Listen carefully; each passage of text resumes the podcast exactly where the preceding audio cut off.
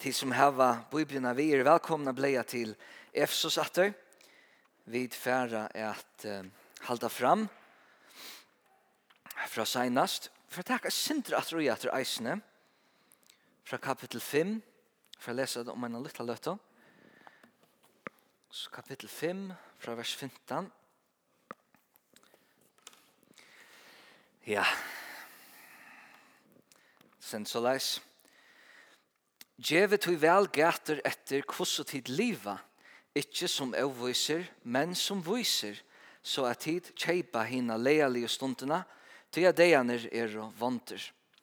Vere tog ikkje avskinsamer, men skilje hva herrans vilje er, og drekje til kun ikkje druknar i vune, som fører avflytjaskap viser, men vere fylter av andanon, så at tid tala hver til annan vi solmum og låsongum og andlium ljøvum, og syntja og leika og hjärsta tikkara fyrir herran og alltid sia gode og færin og takk fyrir allar luter og i navnet vårs herra Jesu Krists og er og hver ørum undergivner og i ötta Krists. Hette er og år herrans. Takk til deg, god fyrir at vi kunne komme til året til atre i det. Takk at vi henda sunne det, vi kunne komme til uh, i frie saman, i fellesskap i her, kærlega til kvann annan og samanhaldi om årtøyt. Og vi bia eisni om i det at vi av året tøyne må læra, må mennast, må vekse i trygg okkara, må vekse i kærlega til kvann annan, må bonast til fotla mennesko, til det vaksarmalet som du hever atla okkom i Kristi Jesus. Så var signa til møte i det, var signa til sundagsskolan og alt det som firefest, Jesu i Jesu huset, må vi møte at her i marsjfer dere. Amen.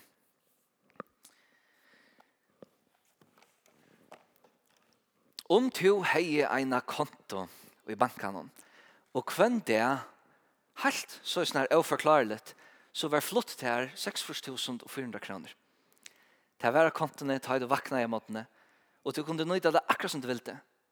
Det eneste som var sett som treid, for hese kroner var hese at banken til ein og kvart hui kunne teka derfra der, utan forklaring. Uh, men eisen i hetta at uh, til hvem det at du vaknar skulle få hessa opphad av konto, og hvem det at du var kommet enda og tar penger som ikke var brukter, uh, som lå etter, tar vi ta trekter av kontene. Tar vi ikke verand her mer. Så hvem det at du vaknar så hever du 6 400 kroner, og tar du leggs a sova, og nekker etter, så blir det trekt. Hvordan hadde vi brukt disse pengene om vi fikk det så lesen opp i hentet? Aller helst hadde vi hukset oss nok så vel om. Til vi hadde vært at nøyde der i det, og vi hadde kjøpt alt møvel der gavun til okken og til okra kære. Vi hadde eisen hukset om ånder til hette sånne penger. Det røkker rettelig lengt. Vi hadde kanskje kjøpt okken et langere bår, så flere kunne si det til okken hvem det. I ødelen føren innskjer vi det bruket her rett, tar vi nå her finnes det her, ikke sant? Men vi vet ikke til ene kvart vi kunne der vi trekter av kontene, og vi hadde ikke brukt det til natten kommer, men så var det trekt som er etter. Og morgen etter, om Herren vil til, så får vi det etter 6.000 og 400 kroner. Jeg vet ikke helt hvor jeg har skrivet til luktene siden jeg leser den etter noen. Jeg held det som dramaet. Jeg hadde jo 6 400 sekund. Hadde den tøyen vid hava finnes tilmålt av hver en dag, i hver en døgnet og hvordan vi nøyde av togene hever avgjørende tøytning. Og til å lese vi i året gods, at vi skulle gjøre gater etter hvordan vi lever, ikke som avvis, men som viser, så de kjeipa hina lealige stundene. Til det, det andre er ønter. Vi må gjøre atlaner fire okkara tøy. Tøy om vi ikke gjøre, og vi bare fær inn i dagen, så er det andre som gjør atlaner fire okkara så vera vi stort av tog som skumpar under, som, som gjør prei, som tølar, som leier, som lokkar. Du vet, er i en er tog som er ønt. Vi er en er tøy og en tøy er hatt i en løyve som ikke er nøytralt, som ikke stender her og unge averskan hever at det. Tvers og møte det er røyner at hever en averskan at det. Til en ønt tog vid liv og i lærer Bibelen.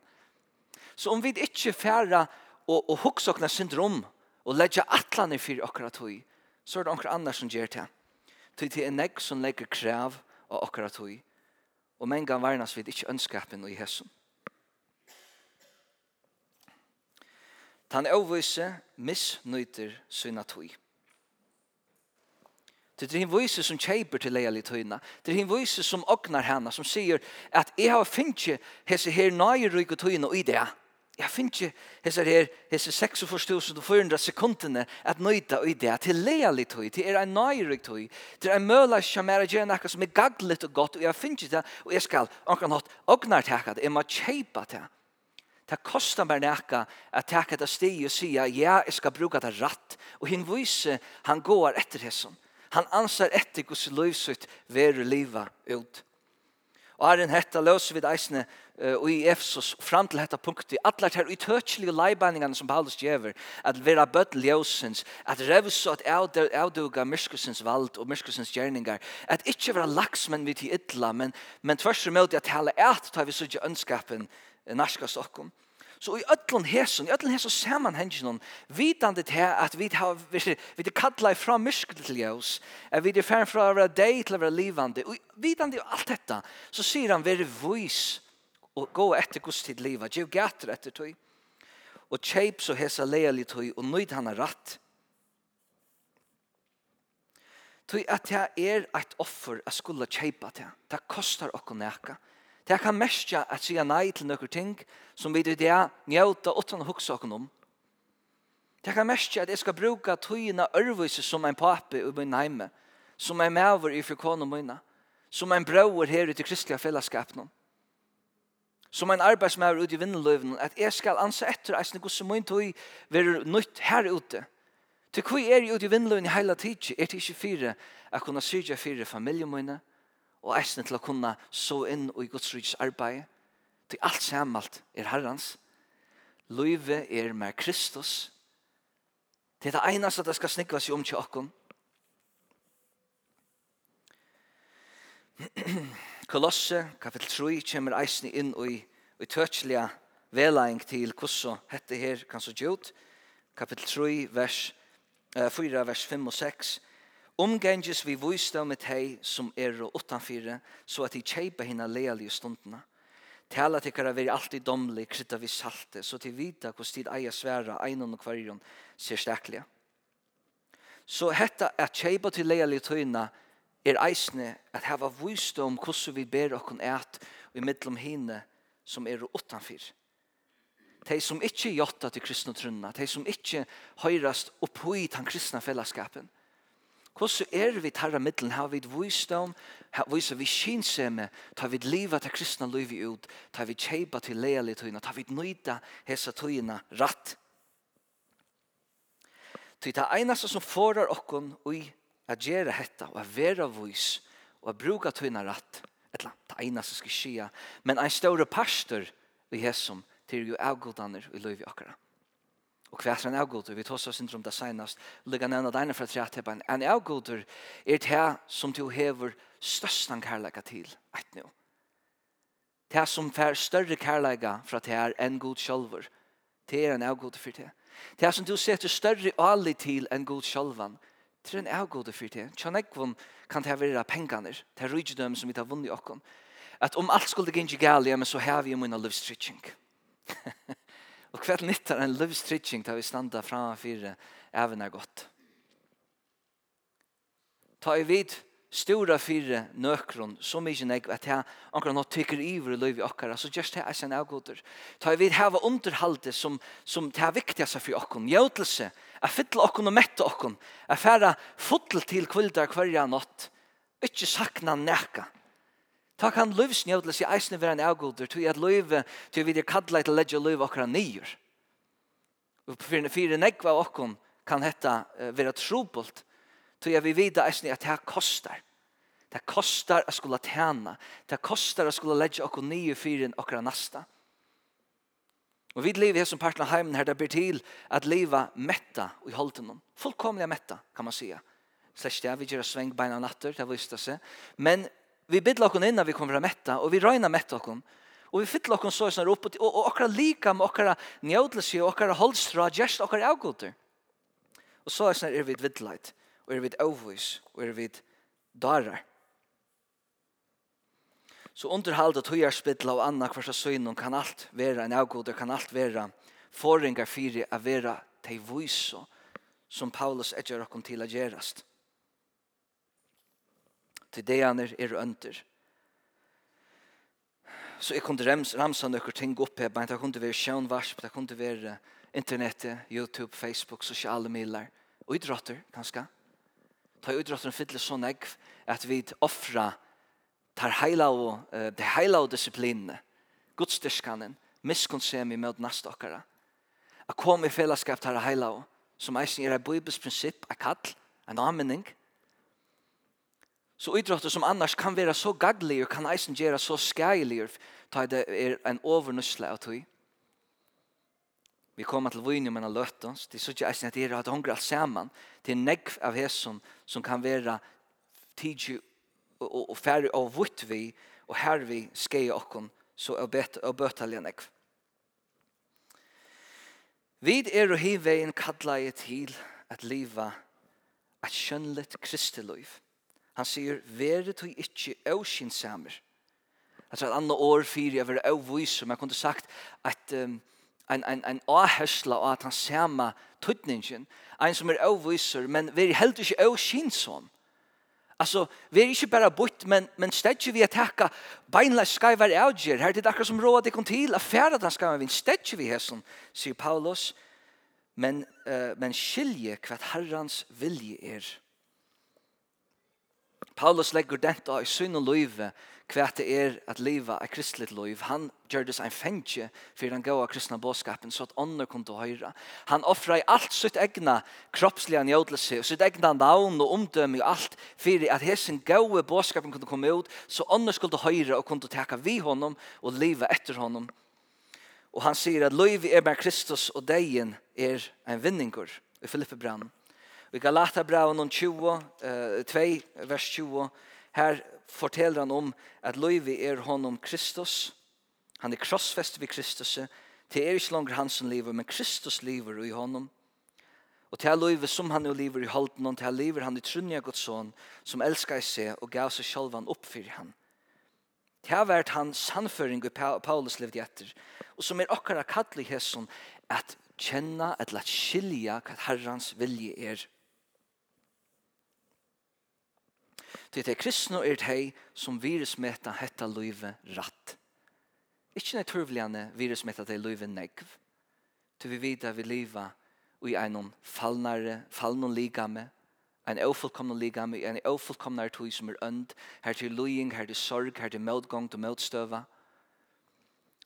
Den kristne virusmeta ratt til han ser at vi er leiskjøpt ut ur hessen ønda mysknen til å liva og til avgjørt til at omkring hatt byrja til evig og løyve langt og nu som er å kjenne Kristus. Så langt og nu er vi leiskjøp, men vi vera eisene, altså er vi, er vi omkring hatt bjerga i urheimen, men vi vera eisene bjerga i utrøsen heime til Kristus kommer atter. Så at, at vi legger okkur legger dent av hvert tokna skote, og hvert han hever hon og i. Og kanskje vi sier det så og huksa, men hvert er så herrans vilje? Hvert eier jeg gjøre? Ja, Paulus kommer ved nøkron av oss som rettelig tøtselig en anmenning, men hva er jeg gjør? Og hva som kjøtt i sandavai? Vi må til her av oss som omstående som er sidig i. Her som to er støtter, støtt. Bibelen hever kanskje ikke at nå greinlet rå til akkurat tøyner tankar og kjensler og omstøver. Da kommer vi, vi, vi tar mot større leireglene, det vi David. Men hva har vi tørv av fire å kunne skilja vilja herrens? Bibelen sier det kallas visdom. Visdom. Og Arne hetta løser vi i kapittel 5, vers 12. Bant Arne hetta, i vers 20, tås han om at avvekst og ljøsens kommer fram. Og i gøsk og rattlet i sannleike. Men vers 12 sier han, så at tid røyna hva til Herren hever takka i. Vi er kallet til å røyna det. Vi, vi må kan hatt eisen røyna kom fram. Vi at vite hva Guds vilje er, at lusta etter, at, at grunda iver, at bio i djøknum, at hos han okkur om hva skal er nå velja gjerra her som er er setter. Til jeg tar vid røyna hetta, så skulle vi eisen ui tui røyna at merskja, og skulle, skulle vi merskja hva Guds tøtje er fyr, hva Guds Guds er hona ui, hva hans vilje uh, er fyr. Ehm um, beinleis uh, læra vit om eh uh, hetta eller vi lær hetta eisne sera grætt ut fra kvært jobb sier. Uh, og vi fer eisne fra jobb til ortøsjene beinta tanna. Jobb sier i kapitel 8 vers 28. Sui at øttast herran til er spekje, du sagt visdommer her. Av vujtja fra til ytla til er viska.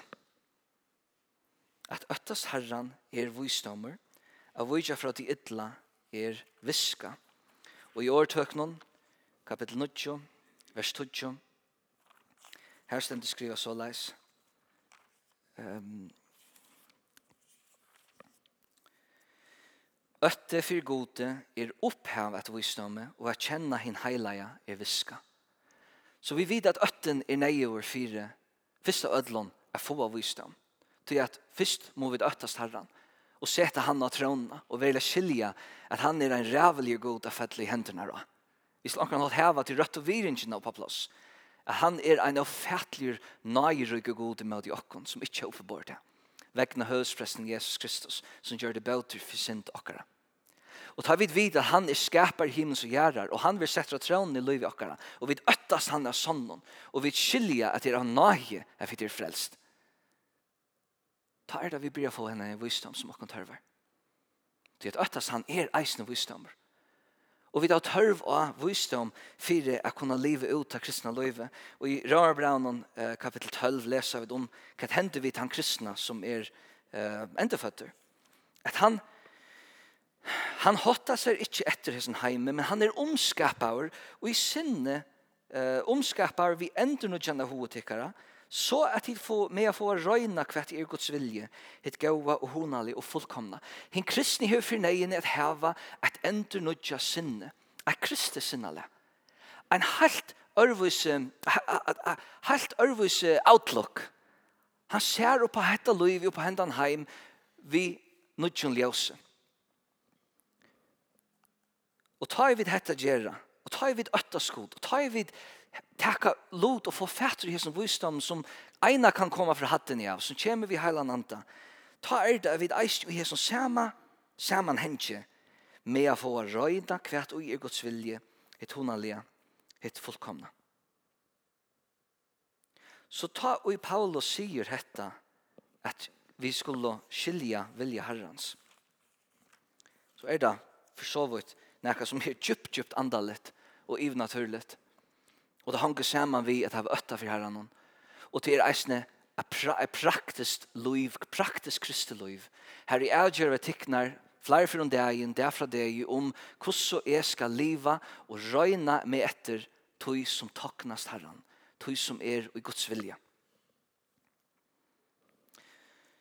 Og i hesson ønda heime som vi nå er stødd, så skulle vi ta og ikke være øttafull. Til han, Kristus Jesus, Han gav seg sjálvan for syndrokkara, for han kunde bjarga okkon ut ur hesson nuverande ønda heime. Og ta i Paulus tåsar om herkleine, eisni her, minner han okkon ta av i vers 13 i kapitel 6, at vi skulle fære i ødel herkleine, så at de kunne være føre fyrir veida møtstøv og hin ønda degen, vanda degen, og at standa vi ta alt i funnet. Til hessen kristne som øttas herran, som er finnes et om endur nødja sinne, som er ombrøtter innanifra, han etterløyker ikke heimen. Han er ikke en laks med tjat i ytla. Han lever ikke ens og hessen heimeliver og i syndene og valka seg her og njøter til og, og metta seg sjolvan i tog ytla som hessen heimer bjøa. Han har skilt seg fra. Han er heilaver. Og så leis er vi, tar vi det omskapet og vi skilja til at en andlig bardeg, og til leta vi dokken ui herklein. Det er færre det utdøy bein ærefer hver det er, men det er et andlig strøy vi det ui, og til har vi tørva å kjenne Guds år, vi tar tørva å komme saman og komme nærre hver nøren, vi tar tørva å be for hver nøren og stole på hunter, vi tar tørva at vysa og i kristelige verste, hetta som vi nå får komme nøy, at leik og hjerte okkara for herren, at synge og lovprysa takksemme og at undergjeva okken hver nøyron. Og det er her som Paulus fyrir til ham neste versen. Han byrjar fyrst vi at uh, tåse om vune i vers 18.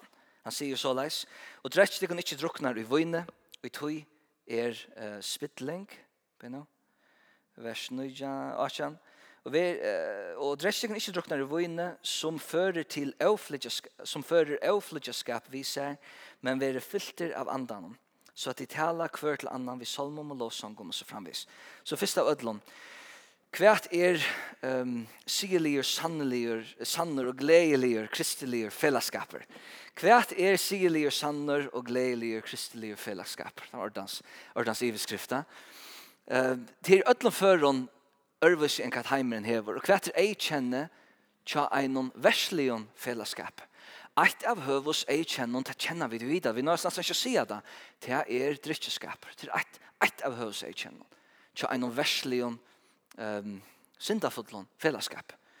Og her som føren kommer, så Paulus i anmenner til den kristna fellesskap, sier at eist vi her som føren, og kommer vi sier, eist vi her, om framt allt annat som han är tås om och vi har bara ljusens och det är döga myrskusens och så framvis och framvis så säger han drätje det kunde inte drätjen Ty til er eisen til som vil det være en nøydelig rødt nusla av vunne. Annars har han ikke sagt vi Timotheus, nøyda sindra vunne til bøtjenskjatt her, som gjør for tre. Så Bibelen hever eisen flere vers om vune her, og til er høskande at drekka vun. Så hva tåser Paulus om her? Han tåser om til vune som er en overnusla, en vuggang nusla. En, en ruse som fører til en avsilian levna, og flutjaskaper, av det og flutjalir, av rinker av via gjerra, og silir, og levnaver, en sindafot løvstiller, ruseren kommer sjaldan ensamadler. Det fører mengan til nekvmeira sind. Så at roseren, han er noen hatt atlar til at gjøre noen leis og fru, så vi kunne slå noen leis og hava det frutt og være gled. Og til å i verleggen, så negmeira rævlir at vi gjør spunten til en synd som sjaldan ferast ensamhøll. Og i ta i anden var uthelt i apostlasøvne, ta var hella i anden og roseren og vune samanbor, haneslige. Jeg vet ikke om det er hilt og her kanskje var nekka som lyktest. I ødlom føren var det sånn, evig vi himmelsk leie til steg her. Ta i apostlene og lærersvaner, atle stig fram, filtra vandan. Det var en romer her, det var en, en, en glädje, en, en avsilig glädje. Og kanskje onker bare sier, ah, det her er vøyden, det er søtt vøyden, og alle oss som det er. Men så vær ikke. Det er det som vi er kallet til at rekka av er vatten løsens. Og ikke nekka bøylet vøyden. vi er kallet til at djeva tar vi komme sammen. Så gjør vi det her. Vi er fylter av andan så at de taler hver til annan. Så at de djeva til hver annan tal og solmer, lovsang, andelig ljø. Ta vi fylla okkom vi til tøymelige, nu tætje og bratje hotätje synder og færre synder bortsett fra at det bare er vunnet oss om. Ta vi mett okkom og fylla okkom vi til tøymelige, ta er til tøymfylla og ta gjever ikke av tøytninge til okkara som vi så kunne djeva til neste okkara. Du vil vite at det som hever veldig tøtninger er avgjør. Vi kan kanskje vise synder av, av kærleika. Ta, nu, nu løser vi opp noen bond vi vinner og vi halda at vi gjør nast akkurat godt. Men i verleika noen, så er det alt dolka og avvirska at vi er hatt noen. At vi er mysker noen som man er ui. At halda at alt hatta er rent og lydeless, at hatta skal føre til sanna og gaua frukt til er og naivor. Du vil vita at den sanna gaua frukten kommer at nu vi er filtra av heilan anda.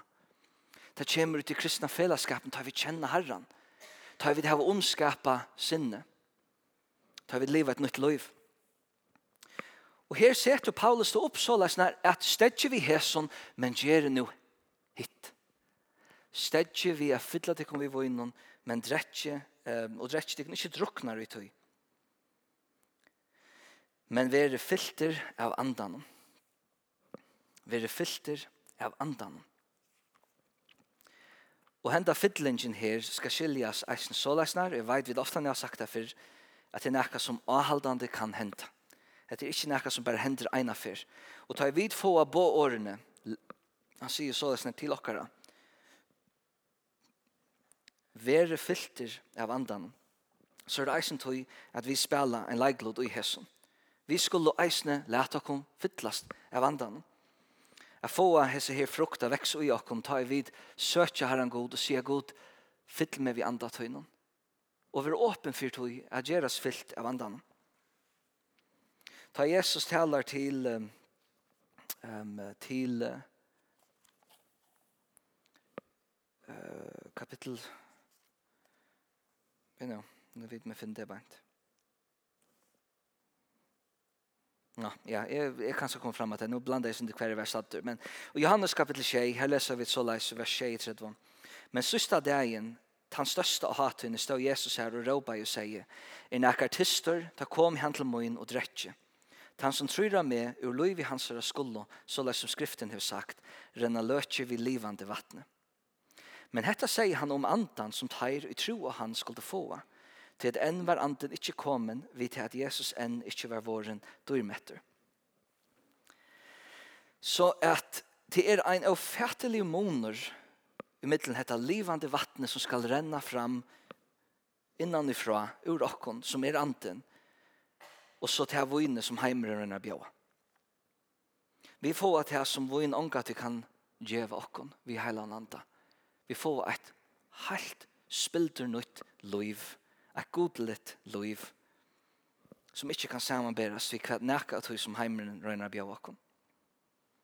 Så tjenestene han som vi søyan heva til hver annan, og i hesson her gau andelig frukten, og i kærleggene, og i gledene, og i frien, og i, i tolne, og i, og i sjolv offrande kærleggene som vi viser kun ørn. Og i ötlan hesson, så heva vi tjenestene til hver annan som er ruik, hun er full av glede, og sterskom, og sånn om kjenslom, Her er ønsken ruser til steder som puskar opp halslige lister. Her er heilaleik. Her er kristelige andlige fellesskap. Og så teker Paulus og bølkar hette opp, og han tar som solmar, låsanger og andlige ljø. Og hetta blir sagt i en sammanhengi her, og i lesaren eisne veit, at her er det samleie ligam til steder. Et ligam som er fyllt vi anda Guds. Her nøye gavene er eisene til å fra meg. Alle tre imenske gavene som er uttelt der, og i en enstøkken av okken som høyre til dette hus, at jeg bei sast, høyrest og mestest, at vi nøyta til så det kan være øren til gagn, fyrir at feiren kan være dyrmetter i liv i okkara vi Jesus Kristi. Altså, dette her er til antlige livet, ja? Og ta hetta liga mitt steg her, öll tam liven, öll tam gaven til henne som myrskaparen. Så sier Paulus, han har hatt boltbelkat upp, og en helselige nåt, han sier, at ta tala tid til kvann annan vi solmum, låsangum og andligen ljøvom. Og så er en avhaverd bøltsing. I Kolosser kapitel 3, vers 16, her er det en sindre øvelse sammenhenger, men det samme vi nevnt her, men her vi denteren lagt av undervisning. Læt i år Krists byggva rydselige tjatikken i nødlom visdomme, så tid læra og amena hver annan vi solmum og låsangom og andligum ljøvum og synge indslige gode lov og gjørsen tikkara. Ta samme avmenningen gonger rett rabbein. Men, men til syndu meira kanska allmenn og sammanhengi, de har vært en boan nevnt at de um, læra så og Kristus her skal bygge ryslig kjadikon. Men her i Efsos, her får vi meira kjenslen av en smarre, meira personlig om fellesskapet her og i denter vi lagt av sang og tilbyen. Og hva mener så Paulus vidt? Han tåser om solmar og låsanger og andelig ljøv Og her er det flere bå på hva det er mest. Um, flere sier at, at, at solmer i hessen føren skal skiljas som solmaner og i gamla testamenten. Og det kan vel være. Det kan vel være at han i hessen føren viser beinleis til at solmaner i gamla testamentet Tar som våre givner og som er inspirerade av årgods. At det er som vi skal synge og høyrast og tala til hver annan i fellesskapen. Og jeg tykker det er pastus er sin rett. Men samståndes videre vid at han skriver til han samkom i Efsos en samkomma som er blanda av jötum og, og hettningum og harrum og trælum. Her er ein, og, og ein lengt bortse fra Israel. Her kan godt være at det heva en av oss sier jo her i Efsos at det var sunnje ur salmen som det var gjørst i synagogen, men det kan eisen saktans være at det ikke var så.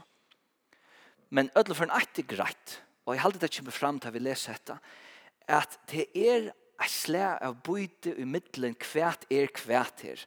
Salmer ber bra av nøkrum som er meira sibonde, nekka som er meira reglofast, nekka som um, fylgjer kanskje enn noen først og minstre. Og jeg sikker vi eisen at jeg kan godt skilja så lest. Men en låsanger skal kanskje skilja som nekka og er meira moderna kanske. Nekka som er, jeg synes meira frutt. Ikke så lest en skilt at hitt ikke er fralst og frutt, men at det er et annat slæ av byggna eller minster og eikjen iverhesson.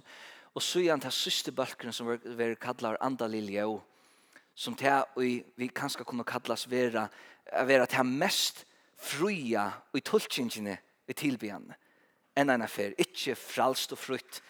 Andale se at vi er fralst og fru i blå jesser, men i mån til hvordan vi uttrykker oss, hvordan vi faller oss ut i tilbyen og låsange og i fellesskapen. Og Paulus sier om at synge i andan, og kanskje det var det som var er um, synge andan, og tar han om, nu er vi i Korint, nu sin til kjøtt. Her han tåser om å synge andan, og det kanskje si andlige ljøvene. Kanskje andlige ljøv, hever ein tolkare sagt, hever vere kött skriva i sangren, tan fyra i sangren, og i onker reises jo opp av synge i fellesskapen.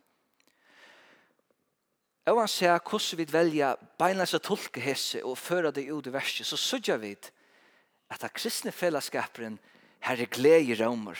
Her er sanker. Her er samanspel, her folk synsja.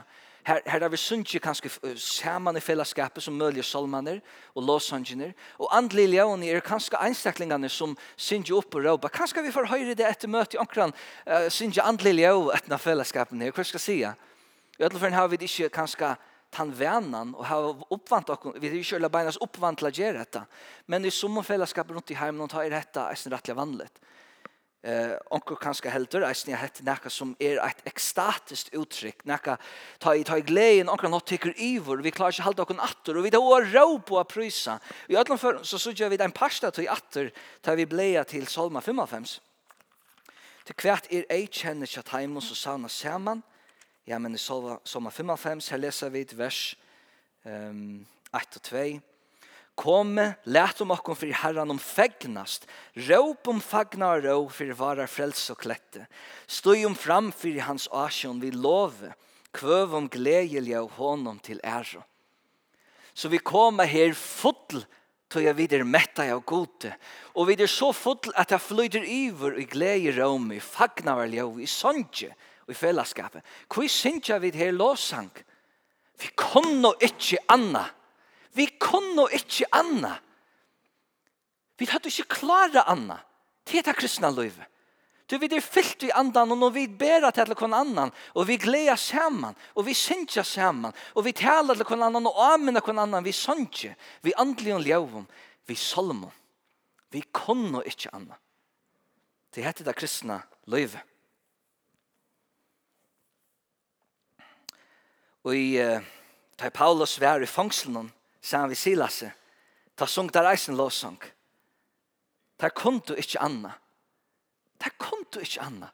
Ta var i myskrenon, og i hålene, lantjair, ongen vevn, og ta var der atla vevn. Her var ikke så kunne teka vevna fra dem. Ta var så rujtjer, ta måtte synkja. 16 vers 25 fasta søvne.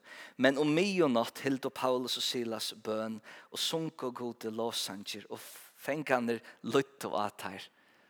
Og jeg trykker vi at og noen skal høyre låsang okkara. Jesus som en side fengar skapet og kjenner ikke Jesus. De skulle slippe høyre at det er en sauna i Libanon som synger honom lov og pris. At selv om heimeren er fengar og er lunchaur, så kunne vi synge i hæsen fellesskapen til at vi er tidsen og bjerga i ut ur hessen enda heimen om vi Jesus. Vi tar finnes her kleine lett og nøy.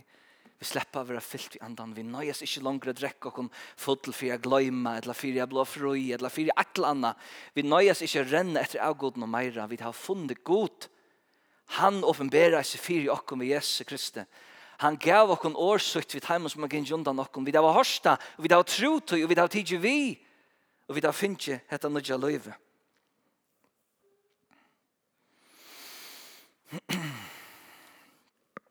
og så sier han atter og Jesus, ikkje berre hetta at vi syndja så leisner harst i fellesskapen. Men vi syndja og vi leika og hjärsta tikkara, hjärsta okkara fyrir herran. Det er eisen sundje inn i hjertan. Og det er eisen til kristna løyve, at vi hver, hver vid er stødd, så er sankur som høyres innan. Jo, ønsken høyre den sanken utan god færen. Det er bare god i himmelen som høyre sang okkara i hjertan. Men den kristne hever en sang her. Han leikar i her. Jeg får ikke kjenslen av, av en, en av badene som sitter, sitter her vid trommen og skalen og, og gittaren og øtlen og bultrar og smekkar til og, er, og flenner og hever glede. Til jeg trykker at av kristne løyve ser så leis ut innan nøy. Vi vet at vi er leiskjøpt og vi er elska bøtten. Det tar seg ut om senast. Elska bøtten. Hva kan jeg anna enn smekka og bultra og hoppe og trampa og gledes og dansa? Og så leis skal da leika i fra hjertene av innan nøy Og tar vi til fellesskapen, så streimer det ikke ut vi varren og tungene. Og god, han ser hjertet. Og jeg trykker vi takkar gjer er andre drotteren til kristne. Efsos kapittel 5, vers 4.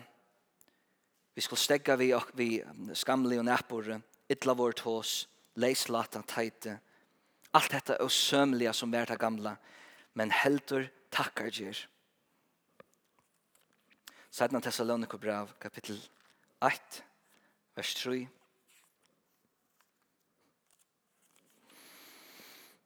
Jeg takkje gode som er fra forfedren og henne og i regnare samvisko.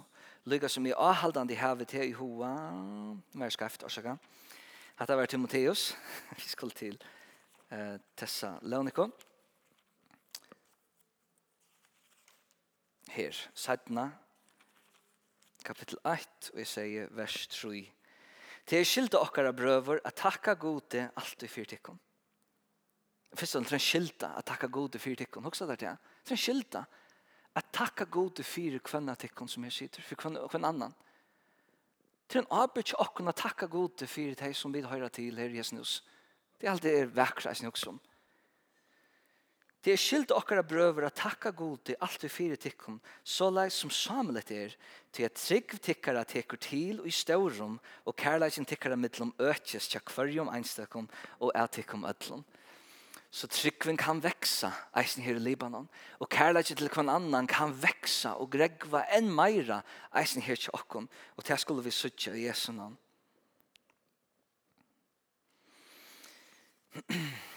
kommer til endan. Det stora kallet som vi har finnet her er eisene at vera hver ørum undergiven. Og ikke bare undergiven og ta og ta, men i øtta Kristus. Til Kristus Jesus er firemynden eisen i hesson. Han tåa i føttene til lærersveinen. Han sier hvert han som innkjører setter høgt, han setter seg selv han lagt. Vi skulle tjene, vi skulle, vi skulle øyse kærlighet okkara ut for hver nørum vi skulle undergjøve okken hver annan. Og i det er nå vi ikke kommer til hvordan hetta spiller ut i tjonabandet og middelen bøtten og foreldre og middeltræler og herrar. Og i øren av som sammenheng og middelelstar og, og folk som er samkommet og så videre. Nekka av det som er utdøyba flerstens og Bibelen. Og vi kommer til det her i noen sammenheng. Men i det skal vi bare vite at vi som kristen syskjen, i hver øren, det er vi mann, menn, kvinner, bøtten, vaksen, ung, gommel, vi skulle undergjeva okkom kvann annan og i ötta Krists, tog at vi er sett til at henne. Vi eier at åpne hårene for kurnøren, hvis vi skulle bruke et luknelse. Vi eier at, at sette den beste sølen fram til gesten som vi får. Vi eier at køyde okkom at gjøre vel imot kurnøren, og og æra kvann annan og i hesson, eller vi jeg så sånn, vi æra færen, vi æra Kristus vi gjør dette. Vi har øtta fyrir honom, ta i vid ledja liv akkurat nyer fyrir kvann annan.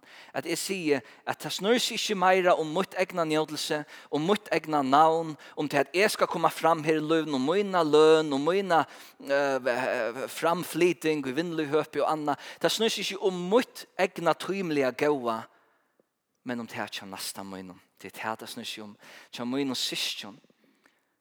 At jeg skal være drien av så større om kærlega til nesten munnen, at vi skal være drien av så større om kærlega til hver annan, at vi legger okkara nyer for å takke sætjene til nesten okkara opp. Det er det kristne løyve. Så hvordan skulle jeg til tjene her i Libanon? her i Vavan i Färjan, her, her som videre sted, her som god sett dere. Spyr. Bjøva det fram.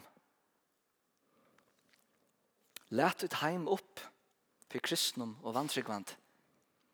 Her er nok a gjera. Her er nok a teka hånd i. Til nek som saknat onkur og gott kjatt heimann vi en åre, vi onkur en gavund rekkamann kanska eisen vi, til negv ung og bøtene som har tørv omsorgan og er vaksen sutja teg og er om teg og ledja teg mun lea og gjør dem gav en førning. Til negv av okkon her som gengur Libanon som har tørv og sutja teg er koma saman vi okkon i fellesskapen er stole punter er høyra til familjena og vera familia for kvann annan. Til praktiska oppgaver, vasking og batching og rutting og miskunnar gjerningar, miskunnar versk, vi med i okkon som her genga og taimon som fyrir gjerra. A hjelpa vi grafisk og prente, vi tånleidje i Los Angeles tilbyan, vi øron, vi nekkon nekkon øron vi. Så hvordan kunne jeg til å tjene? Ja, la oss spyrja hver annan. Hvordan kunne vi? Og ta oss sammen om dette. Takk Gud for at du er her. Takk for at vi kunne lære av året tøynom. Takk Takk fyrir at, um, at du lærer okkon hetta, vi skal kjeipa seg tøyina, hessa leali tøyina og nøydana rett At ikkje vera overvis avvis, bare leta okkon og vera styrda av öllum tøy som legger krav på tøy okkara, men at vi vakna opp og gerast året tøyna om loyin at vi øttast til god og så leis få visdom, så vi kunne røyna hva er i tøy hva, hva, hva, hva, hva, hva, og hva, hva, hva, hva, og hva, hva, hva, er. Så vi får kraft eisen å legge om til som skal legges om, at, at, at krossfesta til, til gamla liv, at krossfesta okkara ahvamal og tøyarspittel og underhald og alt annet som vi mett okkom vi, og sjønvarpen som fyller for negv og, og alt annet vi som bare tekur ivor, og at vi kommer til det som er mer anfalt og greit, at vi tilbyr til, at vi søker til, og at vi skulle elska og legge okkara nyer for å kunne djeva til ånder. Til du visste at du i kærlegan tog inn til okkar, at du visste hva du gjør det, og du gjør det først for okkar, at du leie ditt liv nyer, så vi kunne være bjerga i uter hessen ønda heim. Så vi kunne være sett i en himmelska saman vidt her. Og at vi i hessen verlegan og fyllt av andan, full vi glede og kraft og nøygaven og, og, og frie og, og nøgsemi og takksemi, vi, vi kommer fram og vi synsja, og vi kunne ikke halda atter, og Og vi anmenna hvem annan i sanje og fellesskapen. Og vi synger inn i hjertan om vi. Jeg vet at det brusar så løsner. Jeg vet at jeg finner det som ungen ruser i hessen heime kan bjøve okkom. Og vi vet at det ruser hever unga det gjørs nekran mann betre. Men to heilaver ante, to kjever okkom et godlet liv et liv vi kærlegan hon, vi frien hon i gledene. At vi kunne synge eisen i en erfengehålet. Og lære okkur næsne hva det er å være sanne tænarar og at ledja løyv okkara nyer. At elska og at offra løyv okkara. så kan gå se at elska sånn. Jeg vil ha en silian, sannan, kristelian fellesskap. Her til er glede, romer og frier og nøgseme, kærleidje. Her det er så godt å være, og her vi trives så vel. Her bød nokkara veksa til og være lært opp. Her er unge og eisen støvast og mennast. Her er gammel å finne fri og kvult og trøst. Her vid öll som er kristeligam mennast og veksa. Takk herre for du ert her. Vi prys og lova til veldig annan. Vi ber om at du vekjer okken opp og du vekjer odj og land okker opp. Takk for året til okker i det. I Jesu navn, amen.